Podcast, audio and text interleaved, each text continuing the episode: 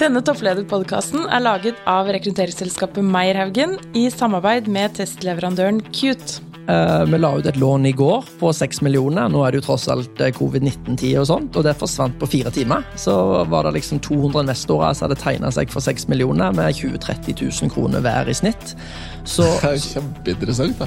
så liksom folk jakter en plass å plassere pengene, og i dag børsen er jo kjempehøy. Eh, Det er ikke alle som er sikre på at børsen er like høy om et år. Den kan jo falle. Men å låne ut til dette selskapet som vi gjorde i går, da, som var et selskap som har fått en kontrakt med forsvars, Forsvaret, så du på en måte sikrer inntektene. Det eneste risikoen er jo på en måte klarer du å levere på den kontrakten som de har fått.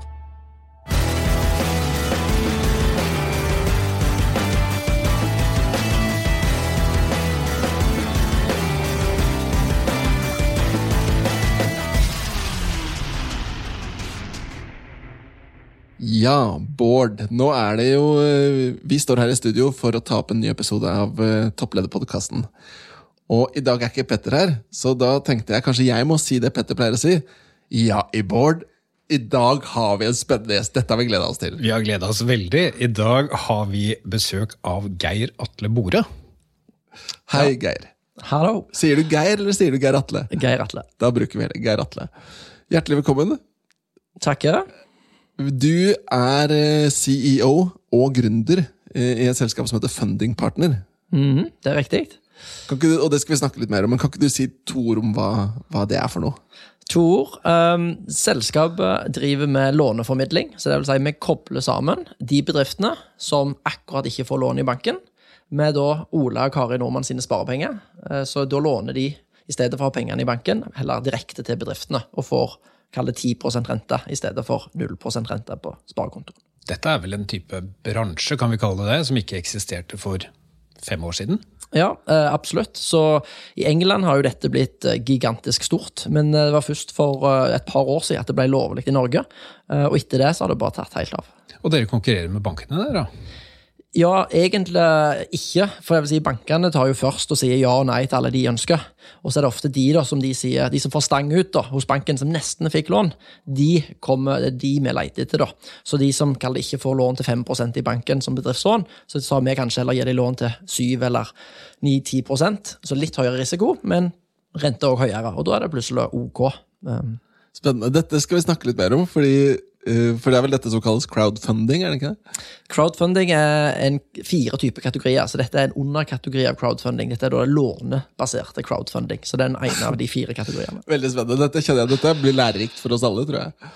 Uh, Og du er vel, fordi at, og Vi kommer tilbake til det, men du er i tillegg til å være daglig leder, så er du også leder i den foreningen for norsk crowdfunding, er det ikke det? Det er riktig, så vi har vel 20 plattformer per i dag i Norge. På, på tvers av de fire kategoriene. Eh, Og per i dag så er jeg leder for, for den foreningen. Veldig veldig spennende. Som sagt, dette må vi snakke litt mer om etterpå. Men før vi går inn på det, så har jeg lyst til å eh, bli litt bedre kjent med deg. Og vi har et sånn klassisk spørsmål som vi pleier å ta for å finne ut hva er det som får folk til å tikke. Eh, og da er spørsmålet hvis jeg hadde møtt deg på en fest, og jeg hadde gått opp til deg, vi kjenner hverandre ikke, men jeg begynner å snakke om et eller annet tema. Hva slags tema skal jeg begynne å snakke om da? Som virkelig hadde gjort at du hadde fått vann på mølla. Og det er ikke lov å velge crowdfunding. Nei, fordi det hadde funka. jeg ikke på. Så jeg er en liksom person som eh, varierer akkurat hva jeg er interessert for per, eh, per måned, skulle jeg eller per periode. Så akkurat i dag, da, hvis jeg var på fest, så kunne du begynt å snakke om oppussing. For jeg er en av de som har slått meg på den bølga nå i covid-19 og begynt å puste opp leiligheten. Så nå bryr jeg meg plutselig om eh, gulvpussing og hvilken lakk jeg skal bruke, og fordelene med ulike typer lakk, og all slags sånne ting som jeg aldri har brydd meg om før. Riktig, ja. Så oppussing er et eksempel, eh, og investeringer og bare gjøre gode kupp, liksom. Ja. Og følge med på børsen og, og hvor du skal plassere pengene, er noe som jeg syns er veldig kult. da. Det er jo litt jobbrelatert, men det er jo òg veldig mange som har det som hobby. da. Eh, Ja. Men, men hvis vi bare for å ta den minst jobbrelaterte oppussingsbiten, er du sånn som gjør det selv? Nei, jeg har nok ti tommeltotter, skal det si, så det klarer jeg ikke. Men jeg må jo ta sånn tusen valg, og jeg syns jo det er sykt vanskelig. Ja. Skal du ha liksom den Jotunfargen eller den Jotunfargen? Det er jo mye vanskeligere enn sånn toppledervalg, fordi at du skal tross alt bo i den leiligheten og se på de fargene. Og, ja, så det er vanskelig. Bare å velge ting, da. Har du et gammelt hus, da, eller? Jeg har en leilighet fra sånn 40-tallet eh, på Majorstua som eh, jeg holder på å pusse opp. Ja. Veldig spennende. Du, eh, nå er du, altså som vi snakket om, så er du CEO og gründer for Funding Partner. Kan ikke du si litt mer om historikken i selskapet og størrelse og sånt noe? Fortell litt mer om selskapet. Så selskapet er nokså ungt. Det var først i, i 2017 at vi sa opp jobbene og begynte for fullt. Og på det stadiet så var vi jo bare et skallselskap med et par ansatte, et par gründere som begynte. Um, Men det som er nøkkelen, er jo på en måte å bygge en tech-plattform. Du må få tak i kunder, du må lage forretningsplaner, og så må du få konsesjon. Um, Og det som vi undervurderte på det stadiet, var på en måte hvor lang tid det tar å få konsesjon fra Finanstilsynet. Så selv om vi lagde fantastiske planer som vi har lært om i McKinsey i mine dager der, og eh, hadde litt buffer på alle ting og sånt, så bomma jo helt på den ene aktiviteten, som var å få konsesjon. Så selv om du da er ferdig med en plattform, du har kunder både som ønsker å låne, du har penger som vil investere, og du har alt av system og prosesser på plass, så hadde vi ikke lov å starte opp. Nei. Så det blir litt som at du har en pub, og du har øl inne, og det er kundene som står alene opp utenfor, men du har ikke lov å låse opp døra. Så det var litt frustrerende, men etter halvannet år så fikk vi den på plass. Så i september 2018 så kunne vi åpne dørene, eh, og siden da så har det gått fantastisk bra. Da har vi gjort liksom to lån fulltegna med første døgnet. Eh, Ett på 1,4 millioner til et reiselivsselskap i, i Tromsø, og et annet til en sånn kjøkkenprodusent på to millioner. Så liksom, ifra da av så har vi gjort eh, flere og flere og flere lån. Så nå er vi oppe i 16, 16 17, 18 ansatte. eh, Alt etter hvilken dag. Vi har hatt en ny ansatt hver uke nå de siste. Så nå går det veldig bra. Oi. Det er en fantastisk historie. Men kan du fortelle litt mer om hvordan starta denne ideen, helt grunnleggende? Fordi som vi var inne på i starten, dette er jo noe, noe som er helt nytt. Og noen av oss har kanskje ikke helt fått med oss hva dette egentlig Hvilket problem er dere faktisk løser? Så vi var jo tre eh, gründere i starten. Eh, alle tre har gått på Handelshøgskolen i Bergen. Eh, og eh, en ting som jeg fikk tips av, av eh, tidligere gründere, var hvis du noen gang eh, diskuterer med siviløkonomer, og du får tre siviløkonomer til å si denne ideen er bra, så er det løp og start. Fordi at eh, så eneste du lærer på Handelshøgskolen i Bergen og, og andre sånne sivilstudier, er at risiko, risiko, risiko. Og du, liksom, du ser bare problem, du ser ikke muligheter, løsninger. Så når, når vi var tre stykker som satt sammen og bare tenkte det her kan jo gå, dette kan jo funke, så var det sånn la oss bare starte. Og ideen den kom ifra England, hvor uh, flere selskap hadde begynt å gjøre dette. Hvor Ideen er jo så enkel at det er en del gode selskap som av en eller annen grunn ikke får lån i banken, som likevel burde få, og folk har lyst til å investere og få god avkastning, og dette funker veldig bra. Vi kaller det 6-7 avkastning år etter år etter år etter, gjennom- etter tap og etter gebyrer som plattformen tar. Og Hvis du får 6-7% avkastning år etter år, så er jo det veldig hyggelig sammenlignet med alt av bankens skudd. Samtidig så varierer det mindre enn børsen, som kan falle og hoppe 5% hver dag. da. Ja, fordi Spørsmålet blir jo fort da, er ikke risiko mye større? Så jeg vil påstå nei, eh, fordi at det du gjør, er jo at du låner ut til en bedrift. Og hvis eh, Vi har jo eh, jeg kaller det 3-4 av de som låner hos oss, får ja og blir lagt ut. Så vi har jo en veldig bra deal flow. Jeg tror i fjor så hadde vi 5 milliarder lånesøknader i lånesøknader i fjor, men vi la kun ut og gjorde 120 millioner kroner i lån. Så hvis du tenker deg at vi kan sitte og velge hvilke bedrifter vi sier ja til, akkurat som banken gjør, og vi er tross alt andrevalget, for banken har valgt først, så er det fortsatt en del gode bedrifter, eh, og de forsvinner veldig fort. Så da det er fortsatt risiko. Du får ikke 10 rente uten eh, noe risiko. Eh, Men, men det er fortsatt akseptabel da, risikojustert avkastning, vil jeg påstå. Men dette, dette, dette går liksom inn på samme modellen som, som Uber og Airbnb. ikke sant? Verdens største taxiselskap eier ingen biler, verdens største hotellselskap eier ingen rom. Her har du også et verdens største, potensielt verdens største bank som ikke har en krone. da. Fordi dere henter pengene da fra sluttbrukere eller fra forbrukere eller privatpersoner. er det sånn? Det er helt riktig. Så hvis man bare tenker hvor stort kan dette bli, da. Så i England så er det nesten 15% av alle lån til små og mellomstore bedrifter går gjennom lignende aktører som oss. Og hvis det blir 15% av norske markedet, så kommer alle til å ha hørt om det, eh, for å si det sånn. Så vår mål og visjon for selskapet er jo liksom, å bli en fundingpartner, en partner med alle bedrifter, sånn de vurderer å, å snakke med oss. Eh, For vårt største problem er jo ofte at bedrifter ikke vet om oss. Så hvis de får nei i banken, så tenker de da er det nei. Og så Ofte har jo bankene de samme kriteriene. Så det å gå til ti forskjellige banker og spørre hjelper det ikke du får nei av alle, eller får du ja hos alle.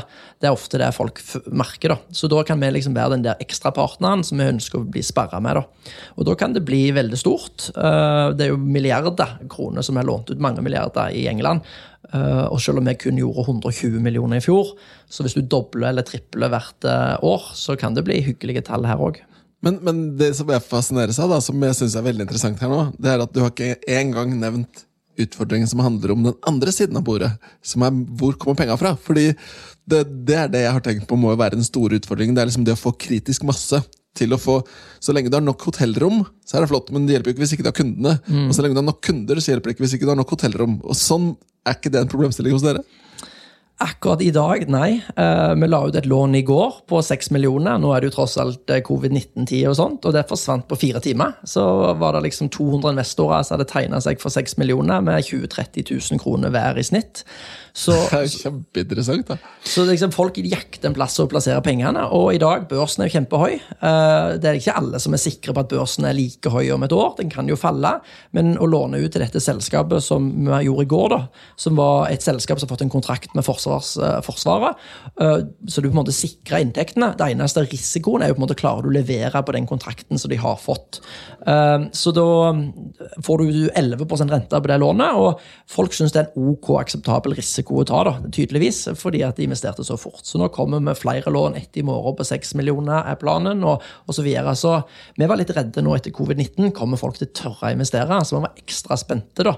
Men det var jo tydelig at eh, folk fortsatt eh, gjerne vil låne ut til eiendomsaktører hvor de får pant. Og, altså det å diversifisere seg, spre pengene på mange ting, det er jo ofte det smarteste, og ikke bare låse alt til en spesifikk ting. Det er jo spennende å høre på. Du, har, eh, du sa opp en, en trygg jobb eh, og, og, gikk all in på dette. Og, og, dette, det dere har gjort, er vel egentlig Vi snakker mye om disrupsjon, men dette er vel egentlig disrupsjon i, i praksis eh, av en bransje. Hvordan har de andre aktørene i markedet tatt imot dere, da? Det er morsomt at du sier det, fordi at mange sa jo i starten liksom, hvordan kommer bankene til å reagere? Uh, hvordan kommer de andre finansieringsaktørene til å reagere? Og jeg tror det som har skjedd i vår bransje, som skjer ofte, er jo at det skjer veldig lite med en gang. Du tror at her kommer alle de store aktørene til å reagere. Men siden tallene er så små altså Norsk crowdfundingforening hadde 400 millioner ish i fjor. Og 400 millioner for alle bankene i Norge er jo nesten ingenting.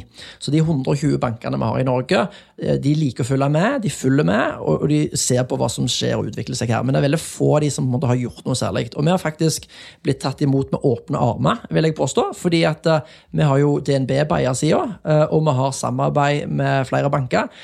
Fordi at de ser problemet. De snakker med bedriftene som ønsker lån, og så klarer de ikke passe inn i sine det, eh, spørsmål og skjema, som de får ikke gitt dem. Så de sitter der med en kundeansvarlig som har lyst til å hjelpe eh, denne daglige lederen i en liten bedrift, men det passer ikke inn. Så da kan de sende de videre til oss, sånn at de får pengene. Og det du ønsker, er jo en fornøyd kunde.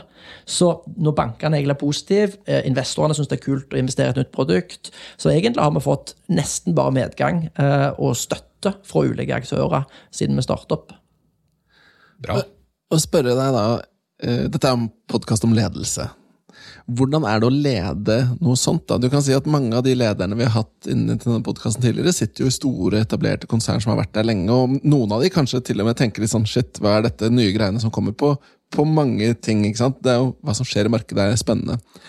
Du sitter i dag midt i det, som Bård sier, i disrupsjonen, og er en av driverne.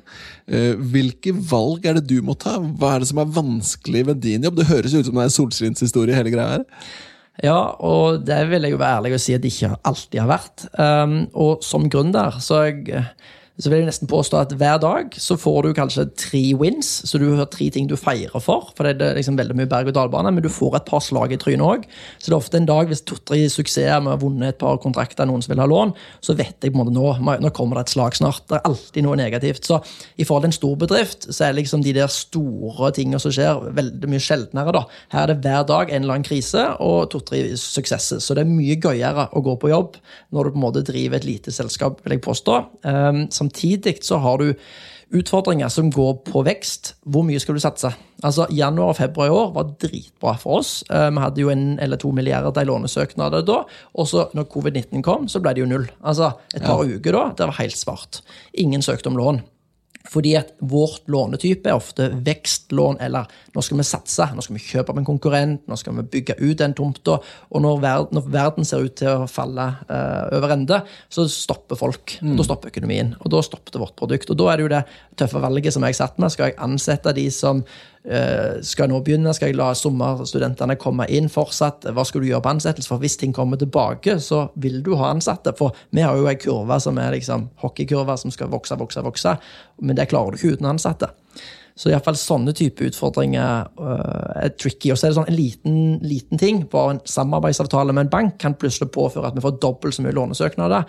Og det er liksom, Sånne små justeringer gjør så stor impact på bedrifter, gjør at det er enda vanskeligere enn å bare fintune Eh, store bedrifter.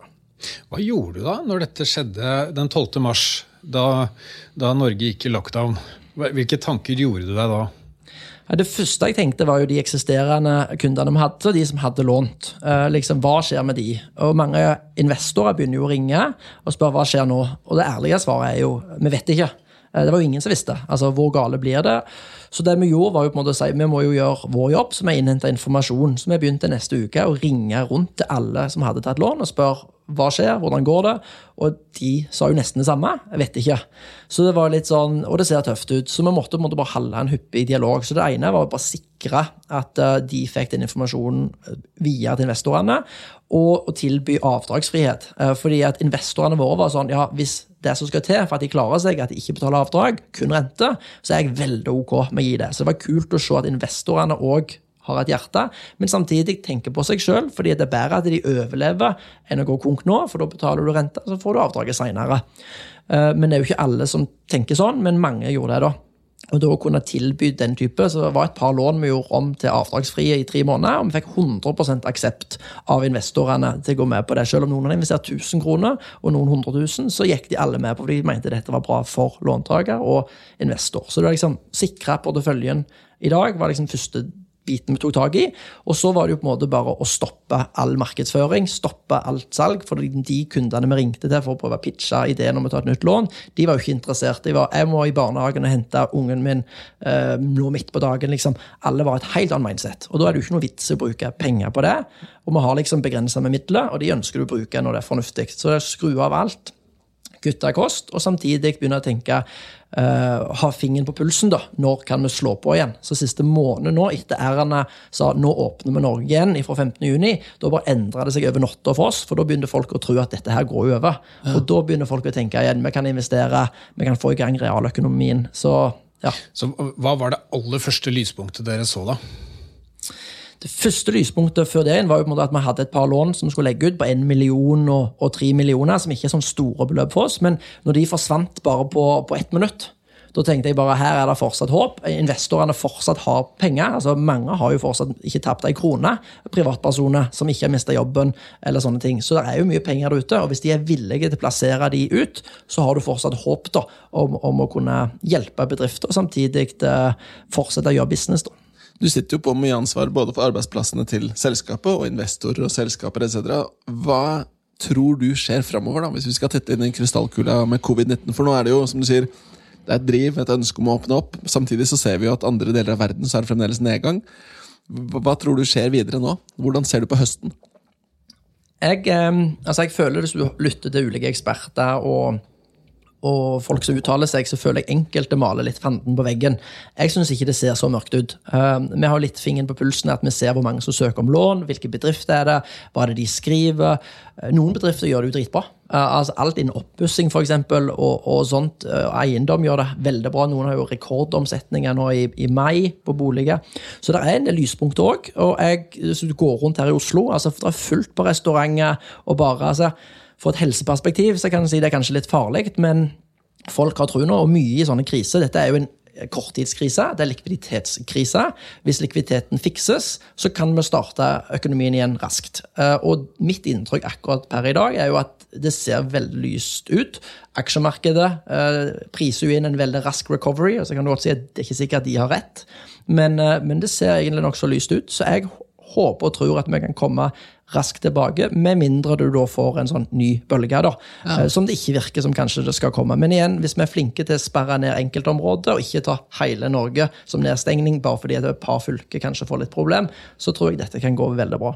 Ja. Vi må vende litt tilbake til, eh, til ledelse, Geir Du, eh, eh, og det har vi jo ikke nevnt, men du er jo, blir jo ofte kåra til en av de største ledertalentene eh, i, i Norge. Eh, og du er ikke så gammel. Jeg kan vel spørre hvor gammel du er? Eh, 34. 34 år, eh, og alt opplevd mye. Eh, Men var det sånn at eh, alt når du satt i kassa på Rimi, eller Rema 1000 i, det var kanskje i Nærbø det da, i 2000, 2006, så uh, tenkte du at jeg skal bli leder i finansbransjen? Fordi eh, finans er også en rød tråd i din karriere.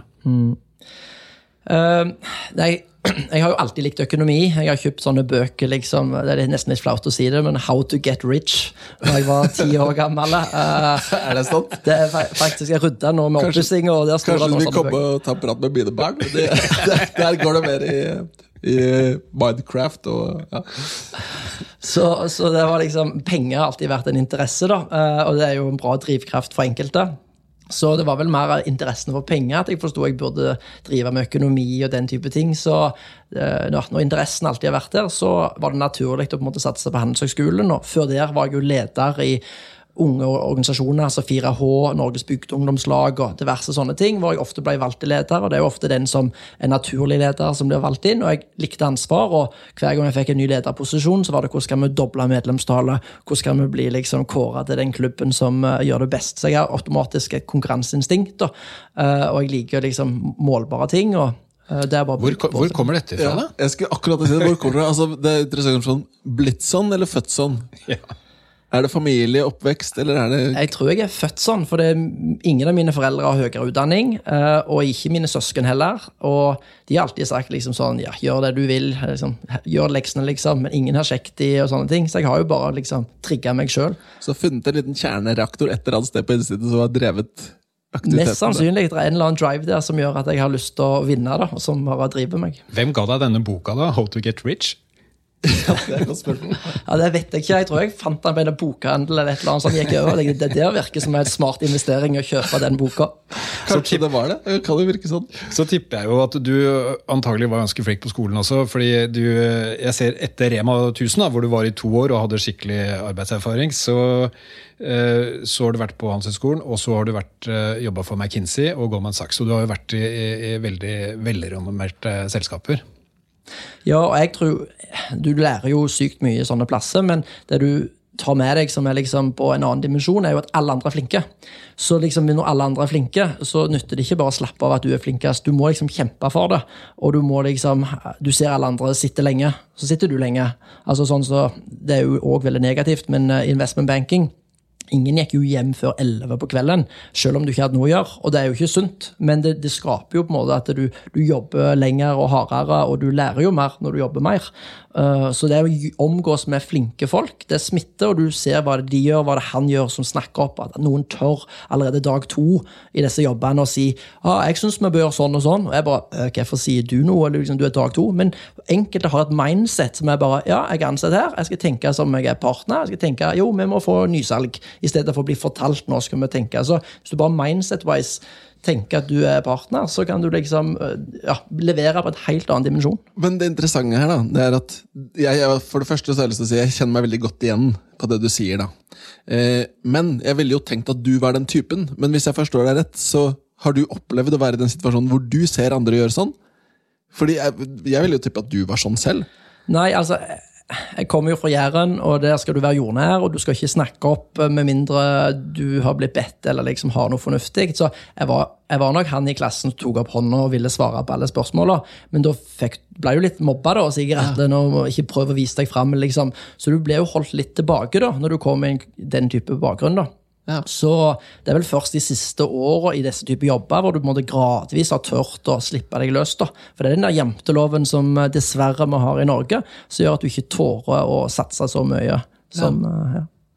Vi hadde en eh, annen gjest i topplederpodden, altså Ole Erik Almlid, eh, som er sjef i NHO. Han sa at nøkkelen til eh, gode prestasjoner er rett og slett å jobbe mye. Er du enig i det? Ja, dessverre. Altså De som tror at du kan få bli toppleder uh, uten å jobbe mye, da vil jeg påstå du har feil. da. For det er altså, Du må jobbe mye, og du lærer mer når du jobber mye. Så for å komme deg til det stadiet at du kan være, og, og være toppleder, så må du ha bra kompetanse og forståelse på mange dimensjoner. Og igjen, det krever erfaring. Uh, jeg må spørre, vi, vi, har jo liksom begynt å touche litt inn på personlighet nå. det Vi snakker om. Vi, vi samarbeider med en testleverandør som heter Qt, som, som, har en rekke psykometriske tester. En av de heter Shapes Executive, som er en, en, en personlighetstest. Og Så ser de på ulike trekk og faktorer som liksom laster inn på ledelse. Og Først vil jeg spørre deg, hvordan vil du selv beskrive personligheten din? Ja, jeg er vel utålmodig. Um, Hardtarbeidende, hvis det går inn i en liksom, personlighet. Um, og krevende. Uh, krever mye. Uh, men jeg er òg veldig lojal, så jeg støtter kall det de mine, og de som har støtta meg. og og forventer òg veldig mye, da, så krevende mot de, da, men jeg gir mye tilbake. Um, I forhold til sånn ledelse så litt micromanager, eh, i den forstand at det er viktig å zoome inn og zoome ut. Du må på en måte, spesielt med nye du jobber med, være supertett på til du skjønner jo, de har full kontroll, de leverer, og så kan du zoome ut igjen. og Så kan de kjøre. Så må du sjekke inn av og til. Eh, men noen vil jo kalle meg micromanager til at jeg vil vite eksakt hva de gjør eh, på enkelte tidspunkt. Ja. Det der er også kanskje krevende, som du sa? Det tror jeg nok. Ja. Så, og det er bare å ha kontroll og på en måte sånn på en måte så føler jeg meg av og til som en prosjektleder. Uh, superprosjektleder. Jeg liker å vite alt som foregår, for å kunne hjelpe og bistå. For å da kunne koble sammen de som jobber på ulike ting på, eller samme ting på ulike deler av bedriften. For jeg hater ineffektivitet. Uh, ja. Og hvis folk har wasta en dag på noe de ikke trenger å ha gjort, altså, da får jeg nesten vondt i meg. Um, vi har snakket litt om denne indre kjernekraftverket, dynamoen din, og så har vi snakket litt om at du har jobbet mye og at du nå, når du beskriver liksom at du også sånn zoomer inn og ut, du har kontroll og oversikt, høres det ut som på detalj, i hvert fall på mye ting som skjer. Mm. Er det noen gang du klarer å slappe av? Ja, altså akkurat nå så føler jeg jo på en måte at jeg har slappet litt av de siste par ukene, fordi at teamet eh, funker veldig bra. Og de ja. leverer, og ting går av seg sjøl. Eh, men da tenker jeg etter et par uker nå må jeg zoome litt inn igjen og sjekke at alt går som det skal. Men det å kunne ta et par uker ferie og liksom legge vekk mobilen eh, og ikke se på den, det er kjempeviktig, tror jeg. Og så er jeg ikke alltid så god til det. For jeg liker å være reaktiv og svare hvis noen trenger hjelp. Men jeg klarer å slappe av av og til. altså. Ja. Skal, da, skal jeg, da, skal vi gjøre en liten test her. Ehm, jeg skal lese opp eh, åtte ulike personlighetstrekk som, eh, som kanskje laster inn på ledelse på et eller annet vis. Og så er jeg interessert i å høre din vurdering. da. Tror du, Har du denne egenskapen, og har den vært medvirkende til at du i dag leder et selskap, som du også har startet selv? da? Eh, ok, er du klar? Mm -hmm. Det er ja, nei, og så får du lov til å redegjøre etterpå. om du vil. da. Overbevisende? Absolutt. Hensynsfull? Ikke så mye. Veldig interessant. Resultatfokusert? Yes. Besluttsom? Ja. Teoretisk? Nei. Optimistisk? Midt mellom. Ja, midt på. Behersket? Jeg liker å tro det. ja. okay, ja. Og siste er entusiastisk. Absolutt. Ja. Veldig interessant. Um, du beskriver deg selv som ikke teoretisk?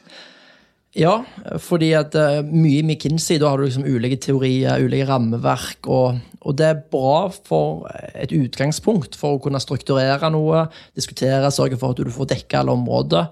Så jeg er nok veldig strukturperson. Men når du snakker om sånn, kommer dette til å funke eller ikke funke, så er jeg mye mer praktisk. La oss bare teste. La oss komme i gang. Ja. Eh, jeg, jeg, hater når du da sitter i et møte og diskuterer, lurer på om det skjer, og så skjer det, og så er det bare mitt spørsmål kan vi ikke bare kjøre i gang? Og så ja. ser vi, og så reagerer vi og bytter etterpå. Så liksom det med å bruke altfor mye tid på teorier ditt og datt versus bare å gønne på. Um, Men, og ikke så veldig hensynsfull, sier du? Nei. Um, men så sier du altså lojal, da. Ja, eh, veldig lojal, men samtidig så hensynsfull. Det kommer an hva du legger i det. da. Men uh, det er noe med hva er førsteprioritet. da. Hvis det er kunden, f.eks. Kunden, da er jeg kanskje ikke så hensynsfull til at den ansatte skal få gå hjem på normaltid. Da blir det mer uh, kunden har bedt om dette, og det er viktig for kunden. Kan vi ikke få det til? Og hvis da den ansatte sier jo, jo, jeg kan gønne på å få gjort det på et par timer, så er jeg jo mer lojal til kunden da, egentlig, i det tilfellet. Men igjen, jeg spør. Hvis det er noe viktig den ansatte skal, så klart, så, så går det ikke. Men jeg ville vært uh, frekk nok til å spørre. Ja. Kan jeg spørre deg, det er jo litt, uh, Hvis jeg får lov til å si det, litt sånn forfriskende å høre på deg. Fordi du er litt sånn upolitisk uh, Eller politisk ukorrekt, heter det. Kanskje. Du, du, du, du nevner dette med lange dager, du nevner dette med mikromanagement, og du nevner dette med hensynsfullhet. Får du av og til en sånn tilbakemelding fra dine ansatte på dette? Ja, vi har jo hatt, um, har jo hatt sånn uh, tre måneders interns ifra DNB hos oss av og til. Og, og noen av de fikk jo litt sjokk i starten, fordi at de mente jeg uh, var så hands on og ville vite hva alle drev med. Og de var sånn, vi vant hva de kaller slippledelse. At du bare alle må liksom, drive sitt eget arbeid. Og jeg er enig i de skal drive sitt eget arbeid, jeg vil bare vite hva alle skal gjøre, fordi da kan jeg eventuelt hjelpe og bistå.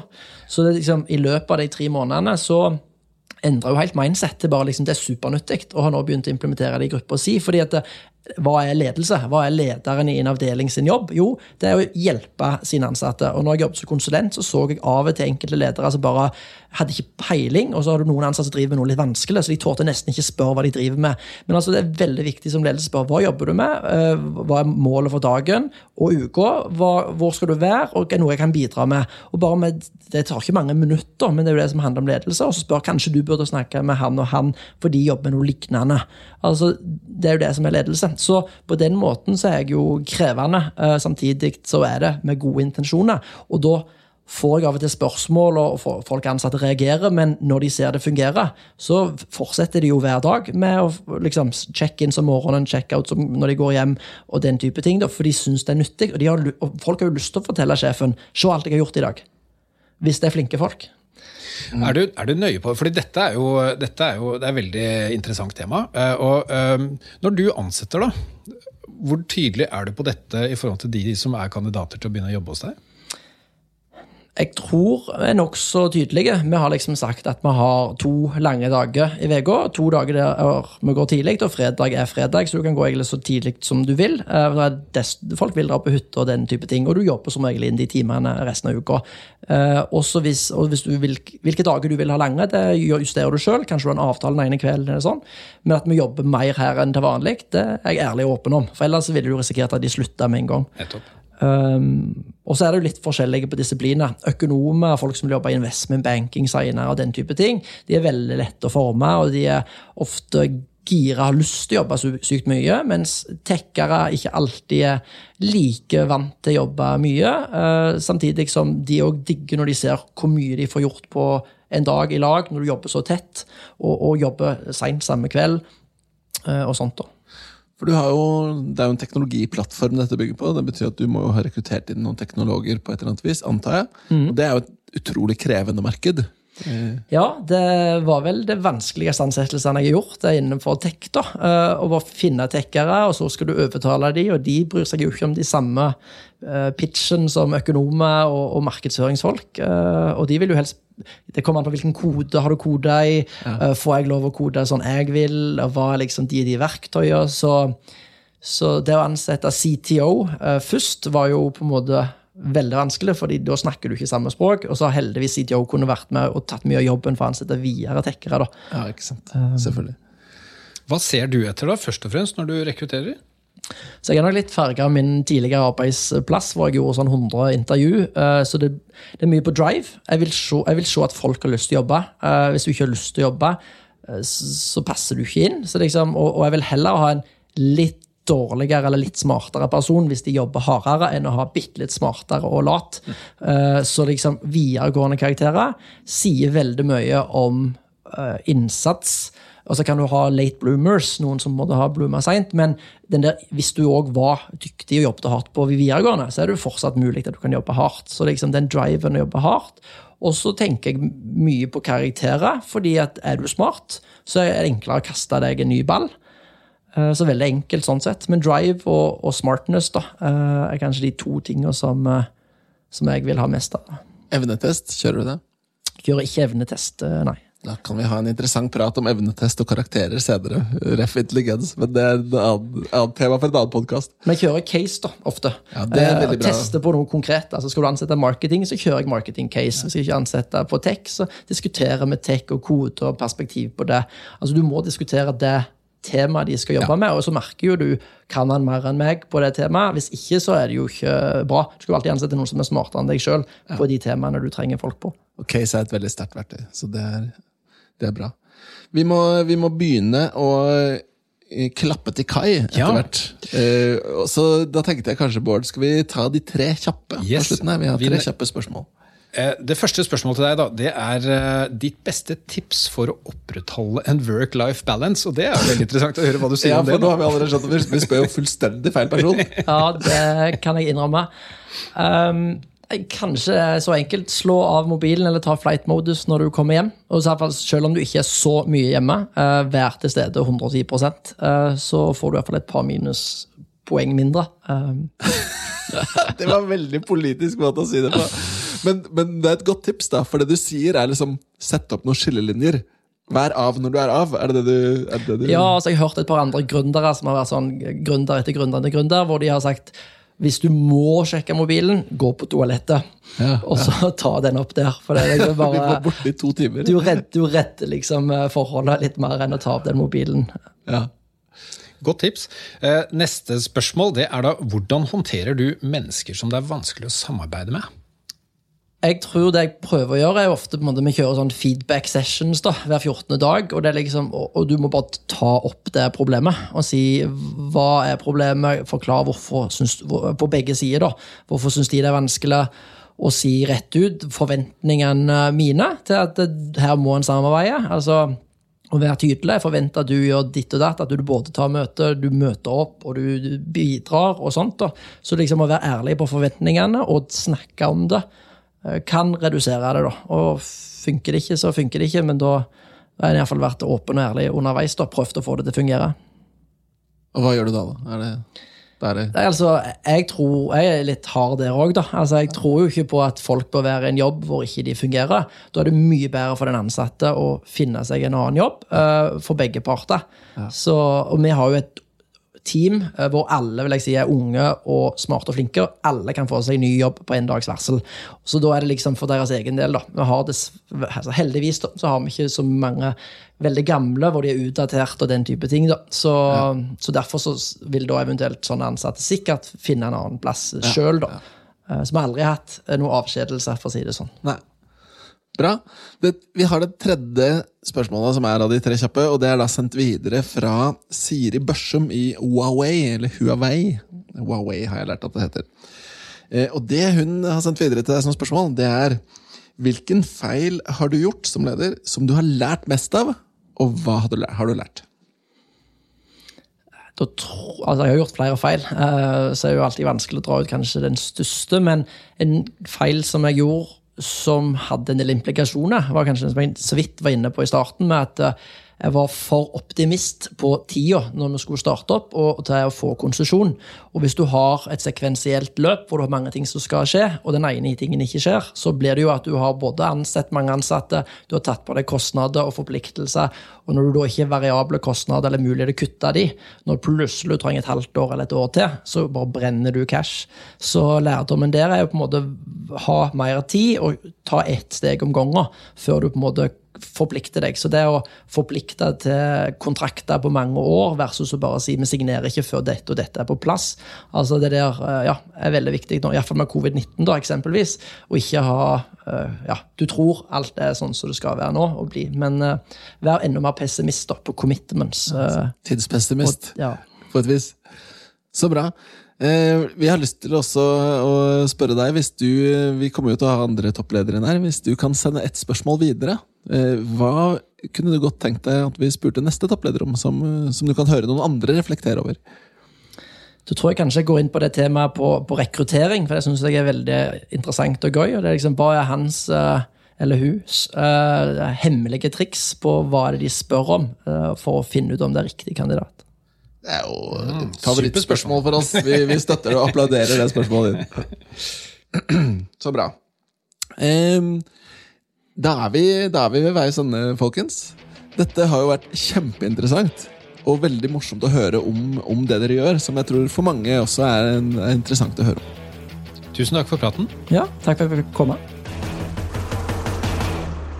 Har du innspill eller kommentarer til denne podkasten, kan du sende en e-post til toppleder at meierhaugen.no.